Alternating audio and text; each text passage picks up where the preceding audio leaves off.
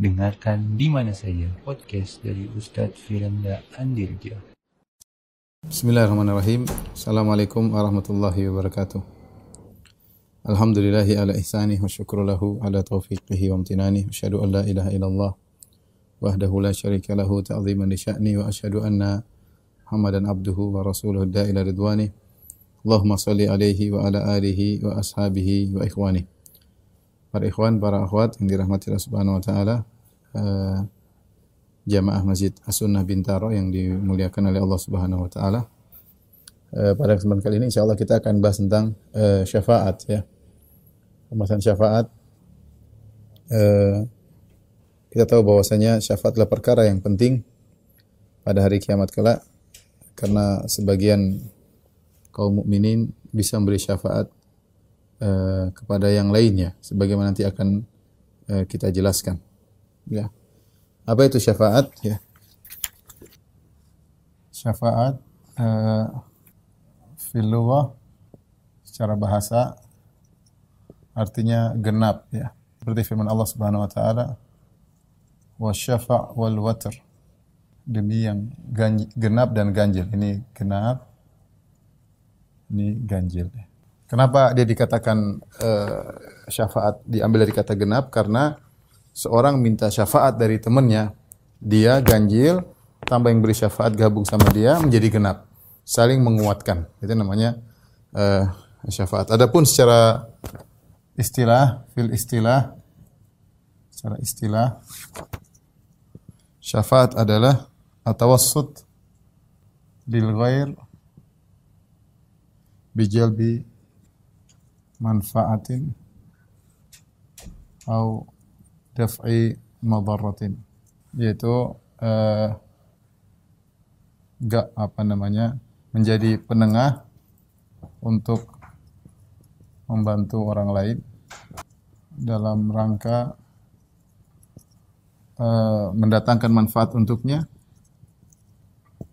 untuknya atau menolak mudarat atau menolak mudarat. Ini banyak kalau kita di dunia uh, seperti misalnya uh, kita butuh syafaat dari Pak RT untuk ngomong ke Pak RW misalnya ya atau kita butuh syafaat ada orang kita kenal, orang kaya misalnya untuk beri syafaat bagi kita untuk dikenalkan itu namanya memberi syafaat. Jadi dia masuk tengah di antara kita dengan orang lain dengan masuk tengahnya dia, dia pemberi syafaat, dia memberi syafaat untuk kita, gabungnya dia dengan kita menjadilah genap. Saya ganjil, dia ganjil, ketika dia menolong saya maka jadilah genap dan akhirnya membantu uh, urusan. Dan ini baik kalau man syaf man yashfa syafaatan hasanatan lahu nasibu minha. Barang siapa yang buat memberikan syafaat ya, maka dia akan syafaat yang baik dia akan dapat pahala. Kata Nabi SAW, Ishfa'u tu'jaru. Berilah syafaat kalian dapat pahala. Seorang berusaha beri syafaat. Kalau dia tidak bisa bantu dengan dirinya, mungkin dia bantu dengan hartanya. Kalau nggak bisa, dia bantu dengan kedudukannya. Dia ngomongin, dia tolong. Ini dapat pahala.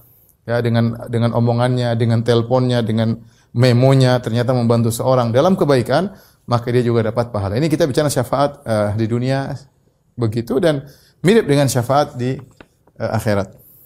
Nah dari sini uh, kita tahu rukun syafaat ada empat ya atau yang berkaitan dengan syafaat ada empat ya. empat perkara.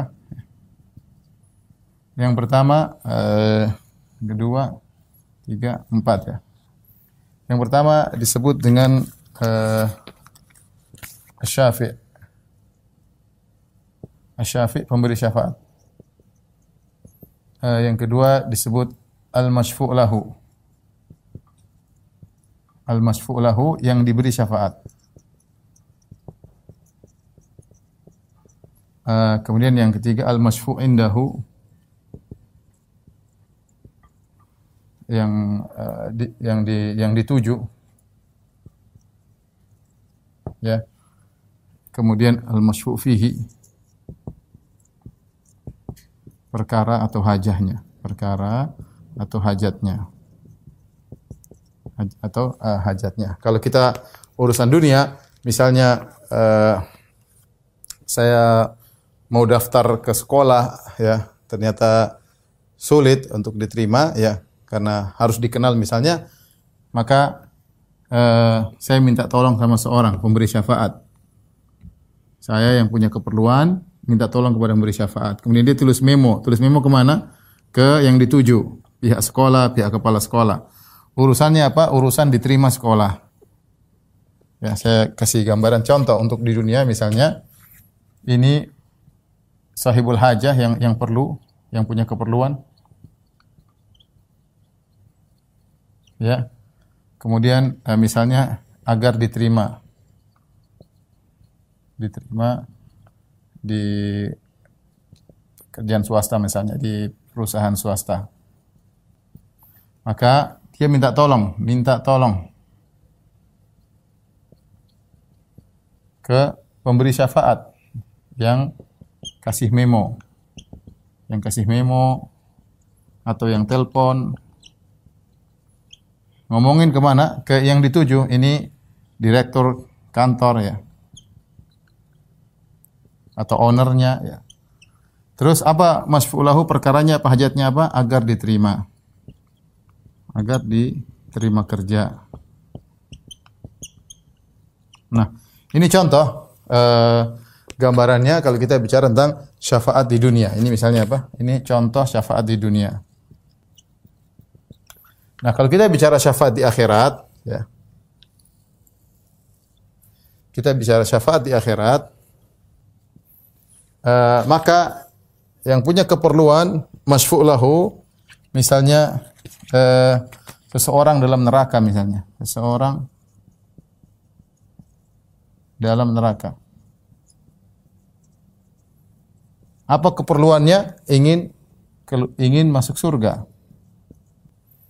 Uh, kemudian siapa memberi syafaat? Memberi syafaat banyak. Bisa jadi uh, Nabi Shallallahu Alaihi Wasallam atau malaikat atau orang mukmin ya.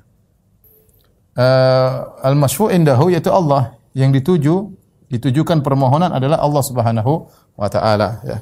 Seorang dalam neraka dibantu oleh nabi atau malaikat atau orang mukmin memberi syafaat bagi dia tapi syafaat ditujukan kepada Allah. Allah yang mengizinkan baru kemudian hajatnya tercapai. Ini gambaran uh, sederhana tentang uh, syafaat di akhirat ya.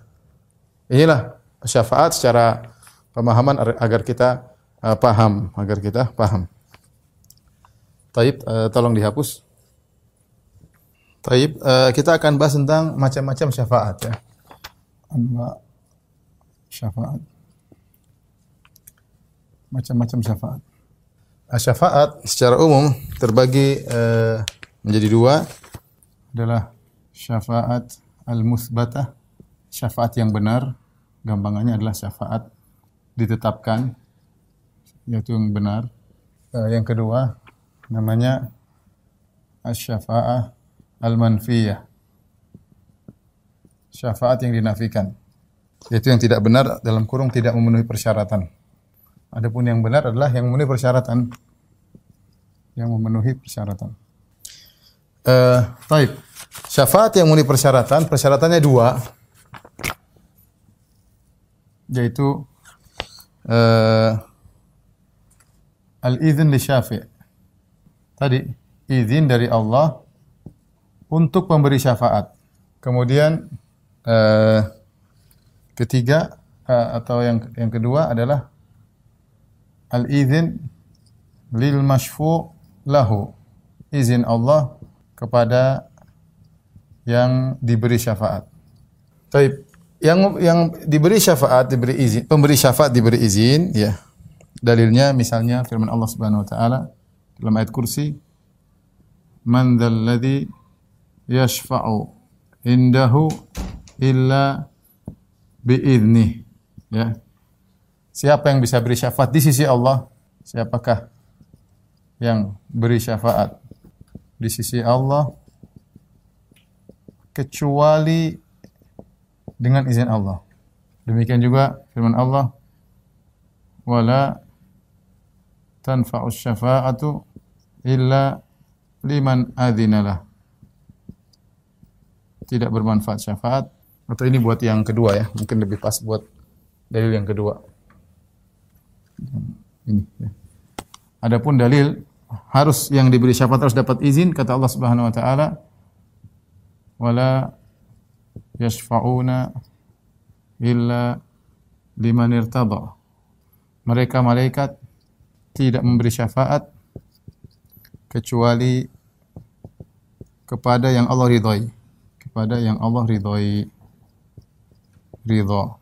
Demikian juga wala tanfa'us syafa'ah illa liman adzina lahu. Tidak bermanfaat syafaat kecuali yang Allah izinkan. Baik. Ini secara umum dua syarat, izin dari kepada pemberi syafaat, kemudian izin kepada yang berhak mendapat syafaat. Uh, semuanya kalau kita perhatikan izin Allah, izin Allah. Ini menunjukkan bahwa syafaat semuanya adalah milik Allah Subhanahu wa taala. Makanya tatkala kita perhatikan izin-izin ini semua, izin Allah, izin Allah menunjukkan bahwasanya syafaat itu milik Allah. Maka dalam Al-Qur'an Allah mengatakan, "Qul lillahi syafa'atu jami'an." Katakanlah syafaat seluruhnya milik Allah, ya. Katakanlah syafaat seluruhnya milik Allah. Karena semua harus izin Allah Subhanahu wa taala. Tidak ada yang berani nekat beri syafaat. Harus minta izin dulu baru kasih syafaat. Dapat izin baru kasih syafaat. Siapa yang diberi syafaat dapat izin kedua. Oleh karena Nabi sallallahu alaihi wasallam saja Nabi ketika memberi syafaat di padang mahsyar ketika syafaatul uzma Nabi minta izin dulu. Caranya gimana? Nabi sujud.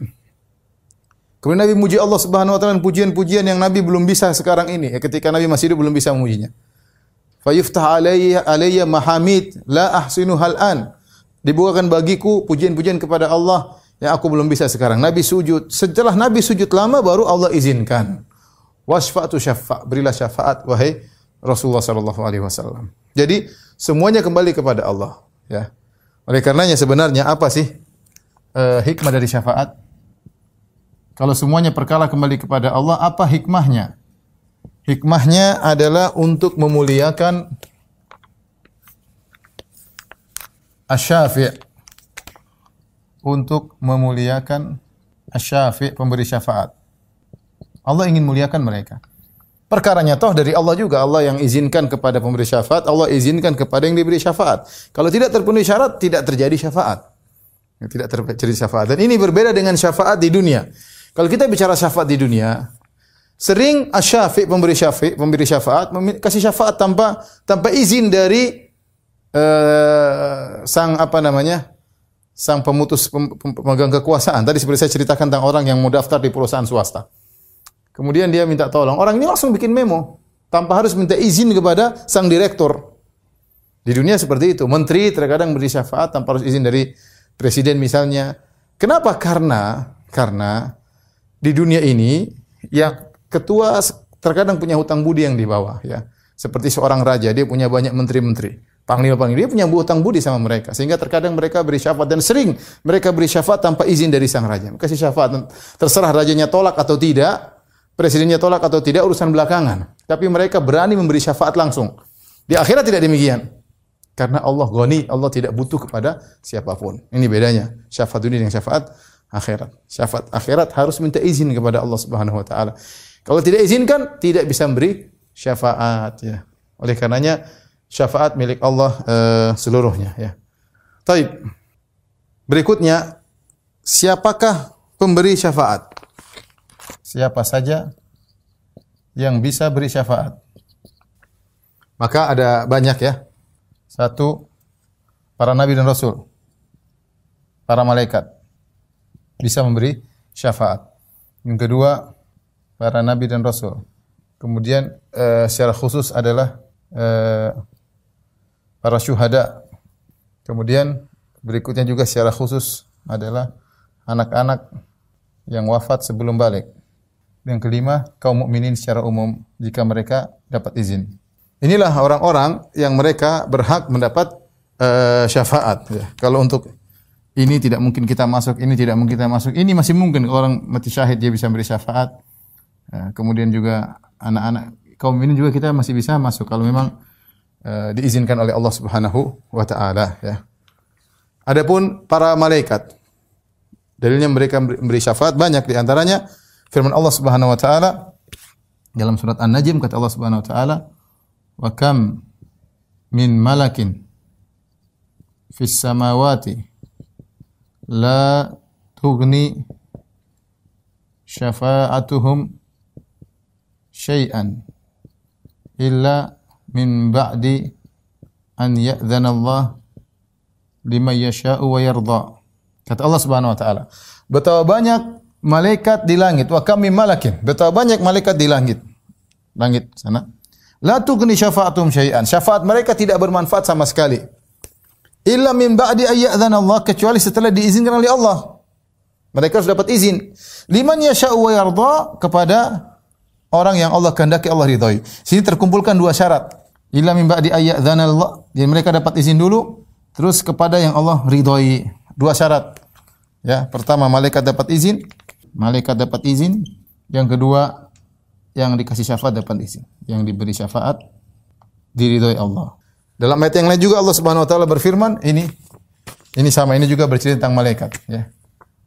Wala illa liman irtada. Sama, ya. Malaikat tidak bisa memberi syafaat kecuali kepada yang Allah ridhoi, ya. Berarti malaikat mereka bisa beri syafaat. Dalam hadis Abi Sa'id nanti kita bacakan panjang. Kata Nabi SAW, syafaatil malaikah, malaikat beri syafaat. Wa syafa'an nabiyun, para anbiya sudah beri syafaat. Wa syafa'al mu'minun, kaum mukminin sudah beri syafaat. Wa baqiya rahmatu arhamir rahimin, tinggal rahmat Allah ya yang mengeluarkan sebagian orang dari neraka jahanam. Ya. Para anbiya mereka beri syafaat. Mereka beri syafaat. Dalam hadis kata Nabi SAW, syafaatil malaika. Tadi saya sudah sebutkan, syafaatil malaika wa syafa' al-anbiya. Para malaikat beri syafaat, para nabi beri, beri syafaat. Sebagaimana kita tahu Nabi SAW beri syafaat. Dan Nabi di antaranya Nabi SAW punya syafaat banyak. Di antaranya kita sebutkan dalam pertemuan lalu ketika di Sirat Nabi SAW di luar kemudian Nabi seluruh Nabi bukan Nabi SAW. Wa kalamur rusul yauma idzin Allahumma sallim sallim. Kata Nabi SAW perkataan para rasul pada hari itu cuma tiga kata. Allahumma sallim sallim. Ya Allah selamatkan selamatkan. Itu namanya Nabi sedang mendoakan orang-orang yang lewat melewati sirat sirat agar selamat. Namun apakah semua selamat? Jawabannya tidak. Tapi banyak di antara mereka yang dapat doa Nabi sallallahu alaihi wasallam ya. Yang berhak dapat syafaat itu doa tersebut adalah syafaat. Doa tersebut adalah uh, syafaat ya. Adapun syuhada dalam hadis Rasulullah SAW menyebutkan bahwasanya para uh, syuhada mendapatkan banyak keistimewaan. Di antara keistimewaan para syuhada kata Nabi wasallam wa syufi'a fi sab'ina min aqaribihi. Wa syufi'a fi sab'ina min aqaribihi. Artinya uh, para orang mati syahid diizinkan untuk memberi syafaat kepada 70 kerabatnya. Yang 70 kerabatnya. Luar biasa ya. Ini uh, karunia luar biasa kepada orang yang meninggal dalam mati syahid ya. Tentu berperang dengan niat karena Allah Subhanahu wa taala, mencari Allah Subhanahu wa taala, meninggal mati syahid, dia bisa memberikan syafaat kepada 70 orang. Ya, artinya dia masuk surga. Dia masuk surga bisa syafaat untuk ngambil 70 orang keluarganya masuk surga. Luar biasa dan ini tentunya dengan izin Allah. Allah kasih izin kepada kerabat-kerabat yang juga diizinkan oleh Allah Subhanahu wa taala ya. Anak-anak yang wafat sebelum balik, saya bacakan hadis-hadisnya ya, anak-anak yang wafat sebelum balik. Di antaranya Nabi SAW bersabda, "Ma minan nasi min muslim yutawaffa lahu thalathun lam yablughul hintha." Tidaklah seorang manusia yang wafat tiga anaknya yang belum balik, tiga anaknya belum balik. Illa adakhallahu lahul jannah illa adakhallahu Allahul jannata bi fadli rahmatihi iyahum. Kecuali Allah masukkan orang ini ke dalam surga karena karunia Allah, rahmat Allah, gara-gara rahmat Allah kepada tiga putranya tersebut, kepada tiga putranya tersebut. Bayangkan. Jadi saya ulangi ada seorang anaknya meninggal, tiga orang yang belum mencapai al-hinth yaitu belum balik, maka Allah masukkan dia ke dalam surga. Kenapa? Kata Allah bifadli rahmatihi iyahum karena rahmat Allah kepada tiga anaknya tersebut. Allah sayang kepada mereka sampai sayang kasih sayang Allah kepada mereka lanjut kepada kedua orang ke, kepada kedua orang tua mereka. Dan hadis ini kata para ulama mencakup bapak dan ibu, mencakup ayah dan ibu ya karena anak adalah anak mereka. Dalam sebagian riwayat man mata lahu thalathatun minal walad siapa yang tiga anaknya meninggal dunia lam yablughul hintha dan belum mencapai balik, kana lahu hijaban minan nar au dakhala jannah. Maka hal itu akan menjadi uh, penghalang dari neraka atau dia akan masuk surga, atau dia akan masuk surga. Ibnu Battal ketika mengomentari di sini dia mengatakan ini menunjukkan anak-anak dari kaum muslimin yang belum balik meninggal dia mereka masuk surga. Bahkan bukan cuma mereka masuk mereka masuk surga, mereka bisa menggiring anak orang tua mereka ke dalam surga. Ada ketika Rasulullah menyampaikan hadis ini, ada yang bertanya, Rasulullah, wal isnan bagaimana kalau dua yang meninggal? Apakah dua anak ini juga bisa membawa kedua orang tuanya ke surga? Kata Nabi, bisa. Sampai sang perawi mengatakan seandainya dia berkata, "Ya Rasulullah, bagaimana kalau satu?" Tentu Rasulullah juga akan menjawab, "Bisa." Ya. Jadi tentu hal yang sangat menyedihkan ketika seorang kehilangan anaknya. Tetapi kalau dia bersabar, menerima ridha Allah Subhanahu wa taala, agar dia diridhoi ya, karena syaratnya tadi harus diizinkan oleh Allah dan orang yang diberi syafaat diridhoi oleh Allah Subhanahu. Kalau ternyata Allah tidak meridhoi orang tuanya, anak-anak ini tidak bisa beri syafaat kepada orang tuanya. Demikian juga seorang yang meninggal dalam kondisi melahirkan, ya. Uh, apa uh, wasaktu, maaf, mohon maaf, wasaktu, seorang yang keguguran. Keguguran, wanita yang keguguran maka anaknya itu akan beri syafaat baginya pada hari uh, kiamat kelak, ya. Uh, saya bacakan hadis-hadis ya yang berkaitan dengan ini. Contoh dalam satu hadis Rasulullah SAW bersabda, uh, anak-anak kecil tersebut ya. Yatalaqqa ahduhum ahbahu fayakhudhu bi thawbihi. Maka anak kecil tersebut dia bertemu dengan ayahnya kemudian dia memegang baju ayahnya fala yantahi hatta yudkhilahullahu jannah wa abahul jannah terus dia bawa bapaknya sampai dia masuk surga dan bapaknya juga masuk surga. Hadis riwayat muslim.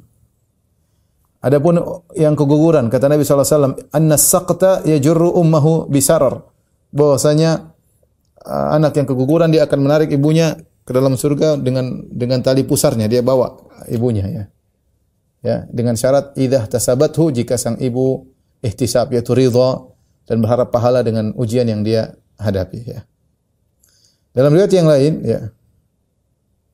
Ma min muslimain yamutu lahum thalathatu min al-walad lam yablughul hintha illa ji'a bihim yaumal qiyamah hatta yuqafu ala babil jannah fayuqalu lahum udkhulul jannah fayaquluna hatta yadkhula abauna. Tidaklah dua orang muslim meninggal anak mereka tiga orang ya yang belum dewasa kecuali anak-anak tersebut akan dihadirkan pada hari kiamat. Sampai anak-anak tersebut diberdirikan di pintu surga. Maka dikatakan kepada anak-anak yang belum balik tersebut, udkhulul jannah, masuklah kalian ke dalam surga. Fayaqulun anak-anak tersebut berkata, hatta yadkhula abauna, kami tidak mau masuk sampai ayah-ayah kami masuk. Fa lahum udkhulu antum wa aba'ukum maka dikatakan kepada mereka masuklah kalian dan orang tua kalian. Dan ini keutamaan orang-orang yang meninggal anak-anaknya meninggal masih kecil maka uh, mereka bisa memberikan syafaat kepada orang tua mereka. Uh, kemudian orang-orang beriman juga bisa memberi syafaat dalam hadis yang panjang ya setelah Rasulullah SAW menyebutkan tentang melewati sirat ya sebagaimana sudah kita sebutkan pada pertemuan lalu yaitu fanajin musallam ya wa makhdus ya wa mukardas ada tiga model manusia. Ada yang najin musallam yang selamat yang kedua yang terluka-luka tapi selamat yang ketiga masuk neraka. Ini muslim masuk neraka ya. Ya tiga model kaum mukminin melewati sirat ada yang selamat najin musallam ada yang terluka-luka tercabik-cabik kemudian selamat dan ada yang tercabik-cabik kemudian masuk dalam neraka jahanam setelah itu Rasulullah SAW berkata hatta idza khalasal mu'minuna minan nar sampai akhirnya kaum mukminin selamat dari neraka yaitu lewati sirat selamat karena di bawahnya neraka jahanam kata Nabi fawalladzi nafsi biyadihi. Maka demi jiwaku demi Allah yang jiwaku berada di tangannya. Ma minkum min ahadin bi ashadda munasyadatan lillahi fi istiqsa'il haqqi minal mu'minin lillahi yaumal qiyamati li ikhwanihim alladhina fin nar. Kata Nabi sallallahu alaihi wasallam Tidaklah salah seorang dari kalian ketika di akhirat kelak benar-benar berharap kepada Allah, memohon kepada Allah, minta izin kepada Allah agar bisa memberi syafaat kepada saudara-saudara mereka, kawan-kawan mereka yang dalam neraka jahanam. Lebih lebih daripada seorang yang bertikai di dunia, kemudian dia ingin ambil haknya. Bayang kalau dua orang bertikai di dunia, uh, misalnya apa namanya, uh, mereka kerjasama ternyata hartanya diambil oleh uh, syariknya, Eh, partnernya, maka dia pun akan menghadap hakim dan dia berusaha sekuat mungkin agar bisa mengambil haknya tersebut dari partner yang berbuat zalim kepadanya. Dia berusaha, mungkin datangan pengacara, mungkin Kata Nabi, kaum mukminin pada hari kiamat lebih daripada itu mohon kepada Allah agar mereka bisa memberi syafaat kepada kawan-kawan mereka selama di dunia. Yang kawan-kawan mereka ternyata masuk neraka jahanam. Ya. Maka apa kata kaum mukminin? Yaqulun. Nabi ceritakan nanti pada hari kiamat. Orang-orang beriman berkata, "Rabbana kanu yasumuna ma'ana." Ya Rabb kami, sungguhnya kawan-kawan kami dahulu mereka puasa bersama kami. Ini menunjukkan orang berpuasa yang masuk neraka. Wa yusallun wa yahujjun. Mereka salat, mereka juga haji. Subhanallah. Ada di antara orang yang puasa, yang salat dan haji ternyata masuk neraka. Jadi mereka berkata, Ya Rob, ya, ya, ya, ya Rob, Rabbana, ya Rob kami, ini saudara-saudara kami, kawan-kawan kami. Ada yang mereka dahulu berpuasa bersama kami, mereka dahulu salat bersama kami, mereka dahulu berhaji bersama kami. Maka Allah izinkan mereka untuk beri syafaat. Fayuqalu lahum. Maka dikatakan kepada orang-orang beriman ini, akhriju man araftahum. Kata Allah, keluarkan dari neraka yang kalian kenal. Fatuh, fatuharramu suwaruhum ala nar. Maka bentuk saudara-saudara mereka itu ya e, bentuknya tetap kelihatan ya. Bisa ketahuan e, mana mereka kenal. Jadi mereka ke dalam neraka kemudian mereka mengambil orang-orang yang mereka kenal untuk diselamatkan dari neraka jahanam dengan izin Allah Subhanahu wa taala. Kata Nabi sallallahu alaihi wasallam, "Fayukhrijuna khalqan katsiran." Maka mereka mengeluarkan banyak orang. Mereka kenal, mereka kenal ini, kenal, kenal, diizinkan, diizinkan. Entah bagaimana prosesnya, yang penting Allah izinkan mereka dan Allah izinkan orang tersebut. Dan Allah katakan, keluarkan yang kalian kenal. Masya Allah. Dia kenal banyak, dia keluarkan semua dari neraka jahanam yang pernah sholat sama mereka, yang pernah haji sama mereka, yang pernah puasa sama mereka. Ya. Qad akhadatin nar ila nisfi saqaihi. Ada di antara mereka yang sudah terbakar sampai ke uh, kakinya, ada yang sudah ila rukbatayhi. Ila rukbatayhi ini menunjukkan kalau saya lihat zahir hadis ini, mereka baru saja selamat dan ada baru saja yang dibakar. Jadi langsung mereka segera ya Allah selamatkan saudara-saudara kami. Langsung mereka minta kepada Allah karena begitu sayangnya kepada kawan-kawan mereka. Kata Nabi sallallahu alaihi wasallam, "Qad akhadatin naru ila nisfi saqaihi." Di antara mereka ada yang api sudah membakar sampai ke uh, tengah betisnya. Wa ila rukbatai ada di antara mereka yang api sudah membakar sampai ke lututnya. Ya. Tapi dikeluarkan oleh mereka dari neraka jahanam. Kemudian mereka lapor kepada Allah. Rabbana ma baqiya fiha ahadun mimman amartana bihi. Ya Rabb kami semua yang kau perintahkan yang kami kenal sudah kami keluarkan. Kata Allah fayaqul irji'u faman wajadtum fi qalbi mithqala dinarin min khairin fa akhrijuhu. Kata Allah, kembalilah ke neraka Siapa yang kalian dapati dalam diri mereka ada iman sebesar dinar berupa kebaikan maka keluarkan. Fa yukhrijuna khalqan katsiran, maka dikeluarkan banyak orang. Tsumma yaqulun Kemudian mereka berkata lagi, Rabbana lam nazar fiha ahadan mimman amartana. Ya Rabb kami semua yang kau perintahkan sudah kami keluarkan. Tsumma yaqul kata Allah, irji'u faman wajadtum fi qalbi mithqala nisfi dinarin min khairin fa akhrijuhu. Kembalilah neraka, ke neraka siapa yang kalian dapati dalam hatinya ada iman sebesar setengah dinar berupa kebaikan maka keluarkan. Fayukhrijuna khalqan katsiran mereka mengeluarkan lagi orang yang banyak. Suma yaqulun kata mereka lagi Rabbana lam nadhar fiha mimman amartana ahadan.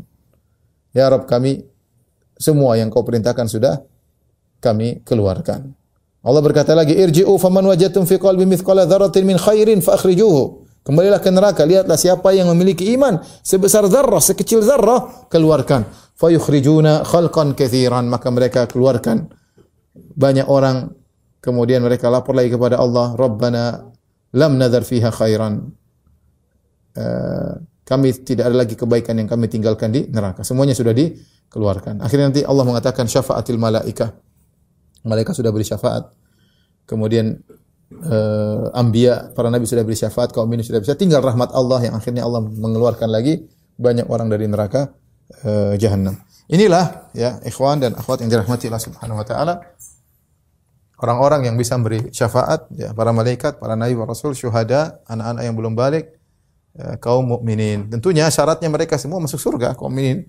Masuk surga orang anak-anak anak, anak yang meninggal sebelum balik juga masuk surga sehingga mereka memberi syafaat. Uh, sekarang yang kedua syafaat al-manfiyah, syafaat yang dinafikan yang tidak memenuhi persyaratan. Ya. Dua, yang pertama, jika yang diberi syafaat tidak diizinkan, apalagi musyrik melakukan kesyirikan. Jika diberi syafaat tidak diizinkan, apalagi melakukan kesyirikan. Kata Allah Subhanahu wa taala, fama tan fa'uhum syafa'atu syafi'in. Tidak bermanfaat bagi mereka syafaatnya para pemberi syafaat. Syafaatnya para pemberi syafaat. Ini contoh, jika tidak yang diberi syafaat tidak diizinkan di antaranya melakukan kesyirikan. Uh, kemudian contoh, jika yang mau beri syafaat ternyata tukang laknat, ternyata tukang laknat. Kata Nabi SAW, Innal la'anin la'anin la yakununa syufa'a syuhada wala syufa'a yaumal qiyamah. Kata Nabi SAW, sungguhnya tukang laknat tidak bisa menjadi syuhada dan tidak bisa menjadi pemberi syafaat. Tukang laknat tidak bisa jadi pemberi syafaat pada hari kiamat. Taib. Apa hikmahnya? Kenapa tukang laknat tidak bisa memberi syafaat? Karena kata para ulama, Syafaat itu butuh hati yang bersih, yang sayang kepada kawannya, sayang kepada saudara-saudaranya, sehingga dia minta kepada Allah, ya Allah izinkan kami untuk beri syafaat kepada kawan-kawan kami. Jadi kalau tukang laknat yang mulutnya kotor, tidak rahmat kepada kawan-kawannya di dunia dia mulutnya kotor, gimana di akhirat memberi syafaat kepada kawan-kawannya? Sedikit-sedikit Allah ya anuk, Allah melaknatmu. Laknatullah alaik, sedikit-sedikit melaknat, sedikit melaknat. Ini enggak akan jadi pemberi syafaat. Nah, timbul pertanyaan, kalau tukang laknat tidak beri syafaat, apakah Pelaku-pelaku dosa besar juga yang lain tidak memberi syafaat, sebagian ulama mengatakan demikian. Ya, ini sekedar contoh. Ya tentunya yang memberi syafaat tentunya harus masuk surga. Syaratnya masuk kalau mereka sendiri tidak masuk surga pelaku dosa besar gimana mereka memberi syafaat? Mereka sendiri tidak tidak selamat ya. Mereka sendiri tidak uh, tidak selamat ya. Taib uh, ini nanti tolong dihapus ya.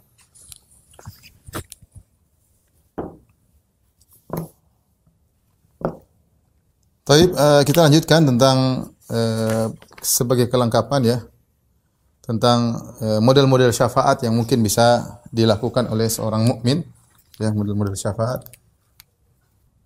Ah, yang pertama uh, syafaat syafaat khusus uh, milik khusus yang dilakukan yang dilakukan Nabi. Uh, yang kedua adalah syafaat-syafaat yang umum. Yang umum mungkin dilakukan oleh seorang mukmin secara umum. Tapi adapun uh, syafaat Nabi khusus Nabi sallallahu alaihi wasallam ya di antaranya sudah pernah kita bahas adalah syafaatul uzma. Asy-syafa'atu al-uzma. Tadi syafaat di padang mahsyar sudah kita singgung mahsyar agar Allah datang untuk mulai persidangan. Memulai persidangan. Uh, kemudian yang kedua ya uh, syafaat li ammihi Abu Talib ya, untuk pamannya. Ini khusus dari Nabi sallallahu alaihi wasallam ya. Dalam hadis kata Nabi sallallahu alaihi wasallam la'allahu tanfa'uhu tanfa'uhu syafaati uh, yaumal qiyamah. Semoga ya syafaatku untuknya untuknya bermanfaat pada hari kiamat. Pada hari kiamat. Selanjutnya kata Nabi SAW, sehingga dia disiksa di dohdoh minan nar. Dohdoh itu adalah uh, kalau kita berjalan di uh, kolam atau sungai yang airnya surut sehingga air cuma sampai di mata kaki itu namanya dahdah. Dan Abu Talib ya uh, dia dapat keringanan, tidak dikeluarkan dari neraka tidak ya. Tetapi dia disiksa dengan siksaan yang teringan, makanya Nabi mengatakan laula ana lakana fi darkil asfal minan nar kalau bukan karena aku dia sudah di neraka yang dasar ya. Abbas bin Abdul Muttalib paman Nabi datang kepada Nabi. Al Abbas pamannya eh, saudaranya Abu Talib kan sama Al Abbas bin Abdul Muttalib Abu Talib bin Abdul Muttalib. Maka dia bilang ya Rasulullah bagaimana dengan Abu Talib saudaraku pamanmu dia dulu membela membela kata Rasulullah SAW dia di neraka yang paling rendah ya. Ini karena syafaat Nabi Shallallahu Alaihi Wasallam ini khusus syafaat satu-satunya syafaat buat orang kafir adalah Nabi untuk pamannya. Ini ingat satu-satunya syafaat buat orang kafir.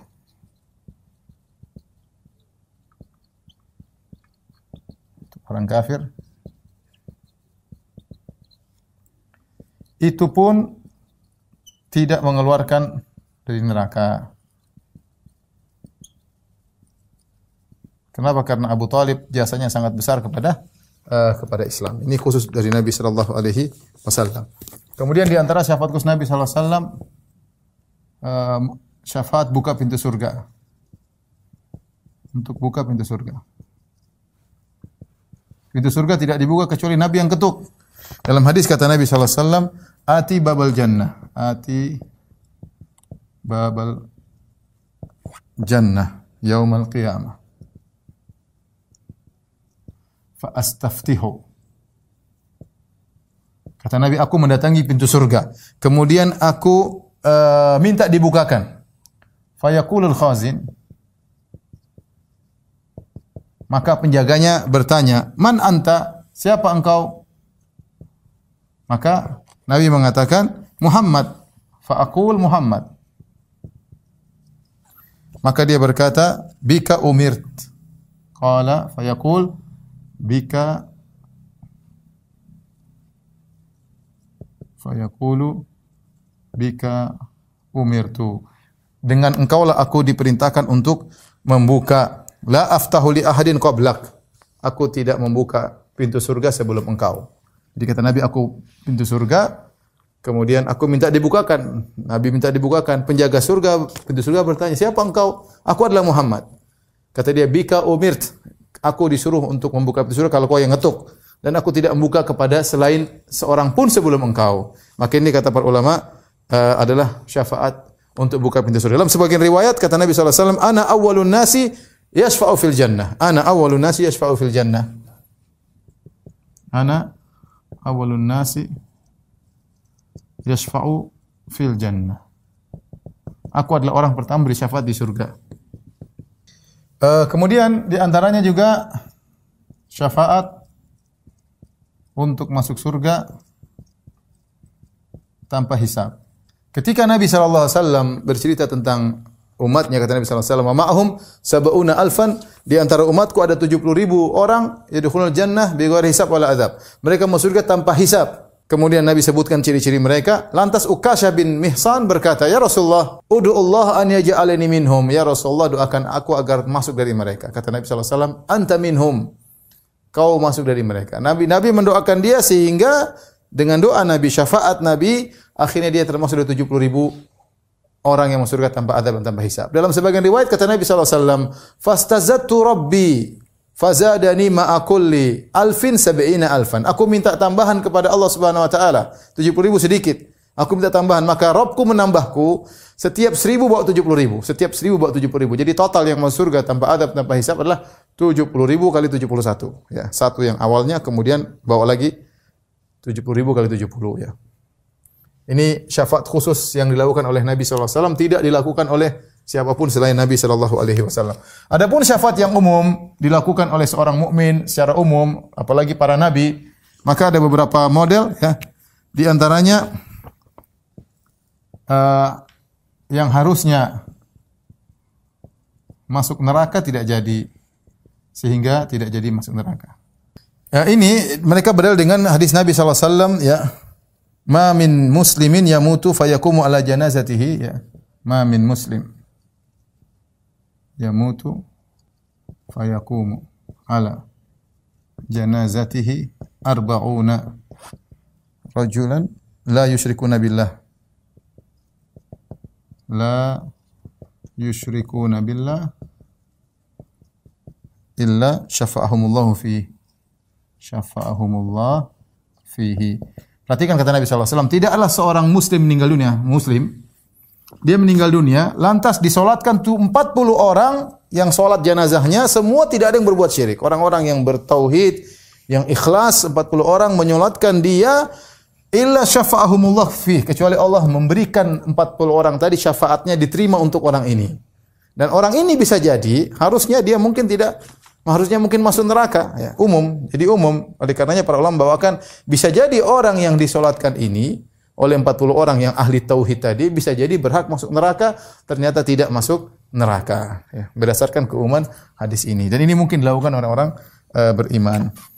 Uh, kemudian tadi yang di neraka keluar dari neraka, yang di neraka keluar dari neraka. Tadi sudah kita jelaskan hadis Abu Sa'id Al-Khudri ya. Tadi dalilnya apa? Hadis Abu Sa'id Al-Khudri yang sudah kita bacakan tadi. Al-Khudri yang mereka minta kepada ya Allah keluarkanlah saudara-saudara kami dari neraka. Akhirnya Allah suruh mereka ke neraka untuk mengeluarkan saudara-saudara uh, mereka. Kemudian di antaranya uh, yang di surga atau yang berhak masuk surga dinaikkan derajatnya. Nah, derajatnya. Ini juga tadi di antara dalilnya ini di antaranya dalil tadi tentang hadis anak-anak ya, anak-anak yang menjadi hijab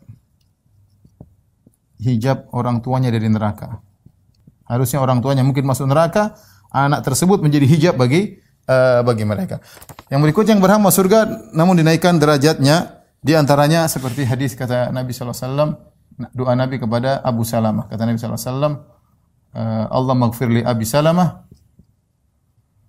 warfa darajatahu fil mahdiin.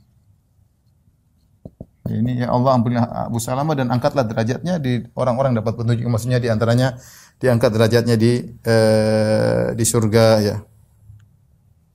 Ini di antara eh, syafaat-syafaat model-model syafaat. Ternyata juga ada syafaat yang model lain ya. Syafaat amal soleh kepada pelakunya, pelaku amal soleh tersebut. Kepada pelaku amal soleh tersebut. Ini datang dalam hadis-hadis berkaitan dengan dengan hal tersebut ya. Contohnya seperti uh, Al-Qur'an pembaca Al-Qur'an, contohnya puasa ya juga memberi apa? syafaat. Contohnya uh, sedekah memberi apa? Uh, syafaat. Kemarin sudah kita singgung tatkala di sirat ada apa? silaturahmi ya. Silaturahmi dan amanah, di antara juga apa? amanah ya. Di antara yang memberi syafaat ada yang silaturahmi dan amanah memberi syafaat di sirat. Mereka berdiri silaturahmi dan amanah berdiri di samping sirat kemudian mendorong orang yang uh, menyambung silaturahmi dan memberi amanah agar segera sampai ke surga ya. Kemudian yang uh, terakhir ya.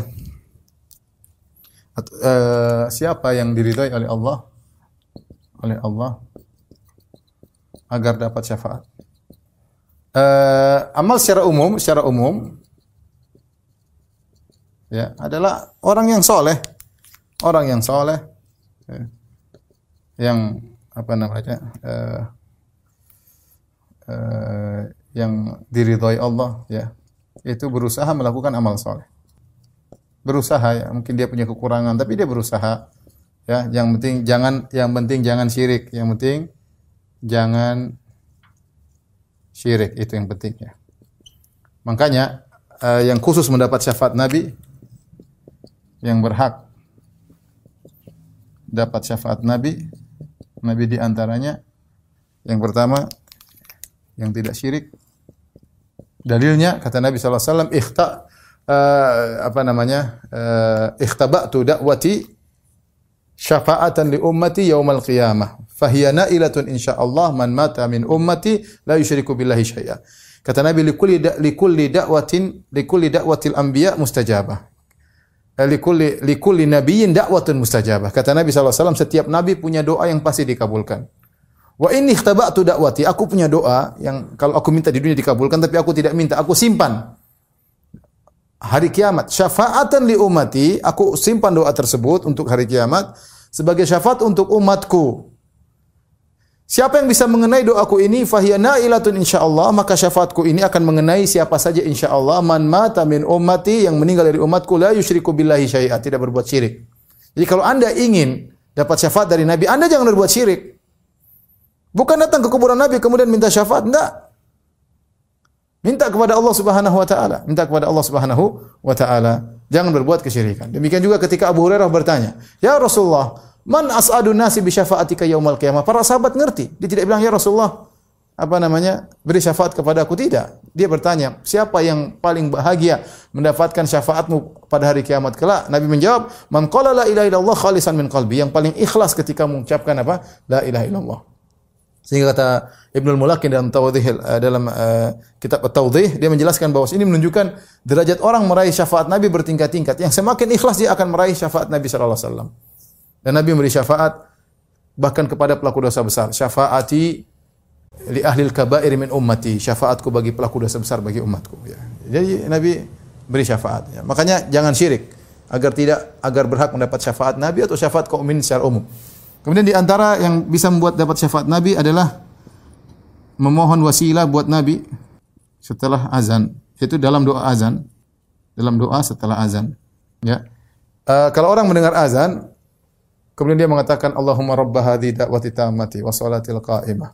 Ati Muhammadin al-wasilah wal fadilah wa ba'ath maqam alladhi wa'attah.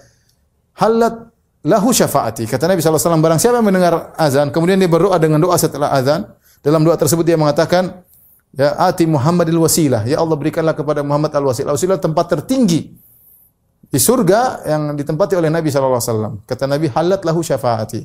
Maka dia akan mendapatkan syafaatku. Ya, ini di antara yang mudah. Kemudian di antaranya untuk dapat syafaat Nabi Shallallahu Alaihi Wasallam uh, adalah sabar tinggal di Madinah. Ya. Kata Nabi Shallallahu Alaihi Wasallam, man ala la'waiha wa shiddatiha, kuntu lahu syafi'an yaumal qiyamah au syahidan. Barang siapa yang sabar dengan sulitnya tinggal di Madinah, ya, dengan kerasnya kehidupan di Madinah, ya, maka aku akan jadi pemberi syafaat bagi dia pada hari kiamat kelak. Aku akan beri syafaat bagi dia uh, pada hari kiamat kelak. Au syahidan atau aku menjadi saksi baginya. Kata sebagian ulama, kalau dia ternyata orang soleh di, di Madinah, maka Nabi akan menjadi saksi. Ya Allah ini orang soleh. Kalau dia ternyata pelaku dosa, Nabi akan beri syafaat bagi dia. Ya, intinya sabar tinggal di kota Madinah. Ya. Tidak sebagaimana sebagian orang oh, di masa tua malah mungkin pingin jalan-jalan. Sebagian orang di masa tua pingin hidup misalnya di uh, kota suci, ingin banyak beribadah sehingga meninggal di uh, kota Madinah. Kata Nabi sallallahu alaihi wasallam, "Man istata'a minkum an yamuta bil Madinah falyamut biha fa inni uh, asfa'u liman yamutu biha." Atau kama Nabi sallallahu alaihi wasallam, barang siapa yang di antara kalian mampu meninggal di kota Madinah, maka meninggal di kota Madinah. Sungguhnya aku beri syafaat bagi orang yang meninggal di kota Madinah. Kemudian di antaranya banyak sujud, ya banyak sujud. Maksudnya sholat sunnah, banyak sholat sunnah. Ada uh, seseorang datang kepada Nabi SAW, kemudian minta syafaat Nabi. Minta syafaat Nabi agar dapat syafaat pada hari kiamat. Maka dia mengatakan, fa'aini bikathrati sujud. Kalau ingin dapat syafaatku, perbanyak sujud kepada Allah Subhanahu wa taala, maka akan mendapatkan syafaat Nabi SAW. Adapun ada sebagian riwayat-riwayat namun hadisnya dhaif seperti uh, banyak bersolawat 10 pagi hari, 10 sore ini hadisnya dhaif didhaifkan oleh Syekh Al-Albani rahimahullahu taala. Uh, misalnya juga menziarahi kuburan Nabi dapat syafaat Nabi hadisnya juga uh, tidak sahih kemudian misal di antaranya uh, ada beberapa hal yang itu ternyata hadisnya adalah uh, dhaif tidak sahih ya saya bacakan amal-amal tersebut ya uh, seperti uh, pelaku bid'ah tidak mendapat syafaat Nabi ya hadisnya juga dhaif ya Kemudian orang benci memberendahkan sahabat tidak dapat tidak dapat syafaat Nabi, hadisnya juga dhaif. Menipu orang Arab tidak dapat syafaat Nabi, hadisnya juga dhaif ya. E, mendustakan syafaat Nabi, hadisnya juga dhaif. Oh, mo mohon maaf, mohon, oh, saya mohon maaf, saya ulang, saya ulang ya, ini salah, salah ya. Saya ulangi, e, di antara amalan-amalan yang hadisnya lemah adalah banyak bersolawat kepada Nabi. Ini ada hadis datang, barang siapa yang solawat pagi hari 10, sore hari 10, ternyata hadisnya dhaif. Kemudian di antara juga ada hadis ya bersama yang mencintai ahlul bait akan dapat syafaatku. Namun hadisnya juga dhaif. Ya, kita harus cinta kepada ahlul bait, tapi hadis yang menyatakan siapa yang cinta kepada ahlul dapat syafaat maka hadisnya dhaif. Juga ada hadis bersafaat bersahabat karena Allah maka dapat syafaat hadisnya juga dhaif. Membantu keperluan saudara dapat syafaat Nabi hadisnya juga dhaif. Menghafalkan 40 hadis dapat syafaat Nabi hadisnya dhaif. Menziarahi kuburan Nabi dapat syafaat Nabi hadisnya juga dhaif ya. Adapun amalan-amalan yang bisa menghalangi seorang dapat seorang dapat syafaat ada beberapa. Saya bacakan di antaranya uh, setiap pemimpin yang zalim dan berlebih-lebihan dalam beragama, maka ini tidak mendapat syafaat Nabi ya. Uh, kata Nabi sallallahu alaihi wasallam, "Sinfani min ummati lan tanalahuma syafaati, imamun zalum." Dua kelompok yang tidak mendapat syafaat dariku di antaranya imam yang zalim. Ya wa kullu ghalin mariqin demikian juga seorang yang berlebih-lebihan dalam agama dan keluar dari jalur agama. Di antara yang tidak dapat syafaat Nabi adalah yang mendustakan syafaat Rasulullah sallallahu alaihi wasallam. Kata Nabi sallallahu alaihi wasallam, "Man kadzdzaba bisyafaati lam yanalha yaumal qiyamah." Barang siapa yang mendustakan syafaatku dia tidak akan meraihnya pada hari kiamat kelak. Ya. E, demikian juga e, ada hal-hal yang lain tapi hadisnya dipermasalahkan oleh para ulama. Demikian saja ikhwan dan akhwat yang dirahmati Allah Subhanahu wa taala. Kajian kita pada kesempatan kali ini semoga yang sedikit ini bermanfaat. Semoga Allah Subhanahu wa taala uh, menjadikan kita orang-orang yang bisa memberi syafaat pada hari kiamat, uh, kelak memberi syafaat kepada orang-orang yang kita kenal, yang kita sayang dan semoga kita semua dimasukkan surga oleh Allah Subhanahu wa taala. Amin ya rabbal alamin. Subhanakallah bihamdik asyhadu an la ilaha illa anta astaghfiruka wa atubu ilaik. Assalamualaikum warahmatullahi wabarakatuh.